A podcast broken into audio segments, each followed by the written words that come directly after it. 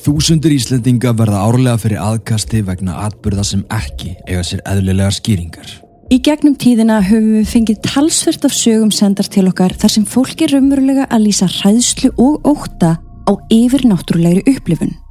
Atvikum sem á að komi fyrir þau á stopnunum, vinnustöðum en þó lang oftast inn á þeirra eigin heimilum. Í þessum þáttum munum við fara við aðsendar sögur, deila þeim með ykkur og rýna betur í þær saman. Ég heiti Stefan John Og ég heiti Katrín Bjarkadóttir og þetta eru sannar íslenskar draugasögur.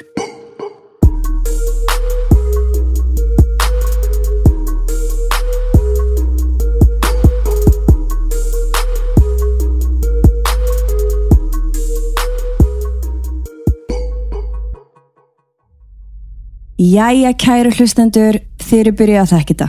Í dag ætlum við að fara yfir aðsendar sögur sem að koma frá óskup venjulegu fólki úr þjóðfélaginu sem á það sammeðalegt að orðið fyrir einhverju yfirnáttúrulegu. Eins og vanalega þá segjum við sögurnar í fyrstu personu og tökum svo spjallum hverja og eina. Saga 1. Vondimadurinn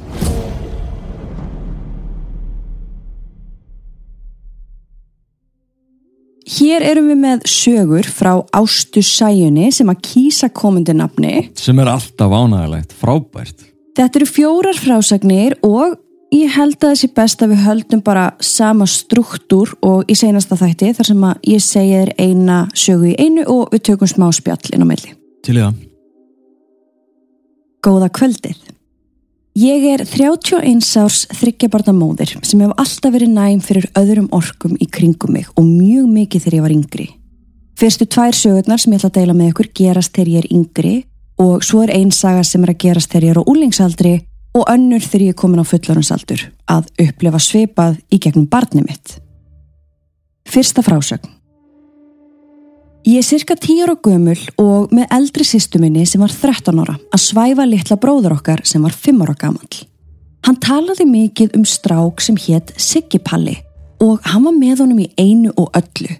Hann vildi fá sæti við mataborðið og maður varða að passa hvar maður stæði eða sæti. Hann var einni með í öllum leikjum.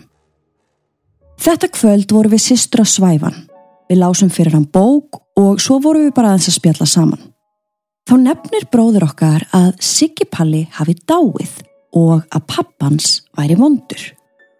Við rættum við hann og sögðum að það væri leiðilegt að heyra og reyndum samt báðar að veiða ímislegt annað upp úr. Hlustaðu á allan þáttinn inn á Patreon appinu sem er frítt. Þú skráir því áskrift inn á patreon.com skástrík sannar íslenskar og far nýjan þátt hálsmánaðalega af sönnum íslenskum draugasögum. Engin binding og þú far aðgang á öllu efninu strax við skráningu. Svo af hverju ekki prófa?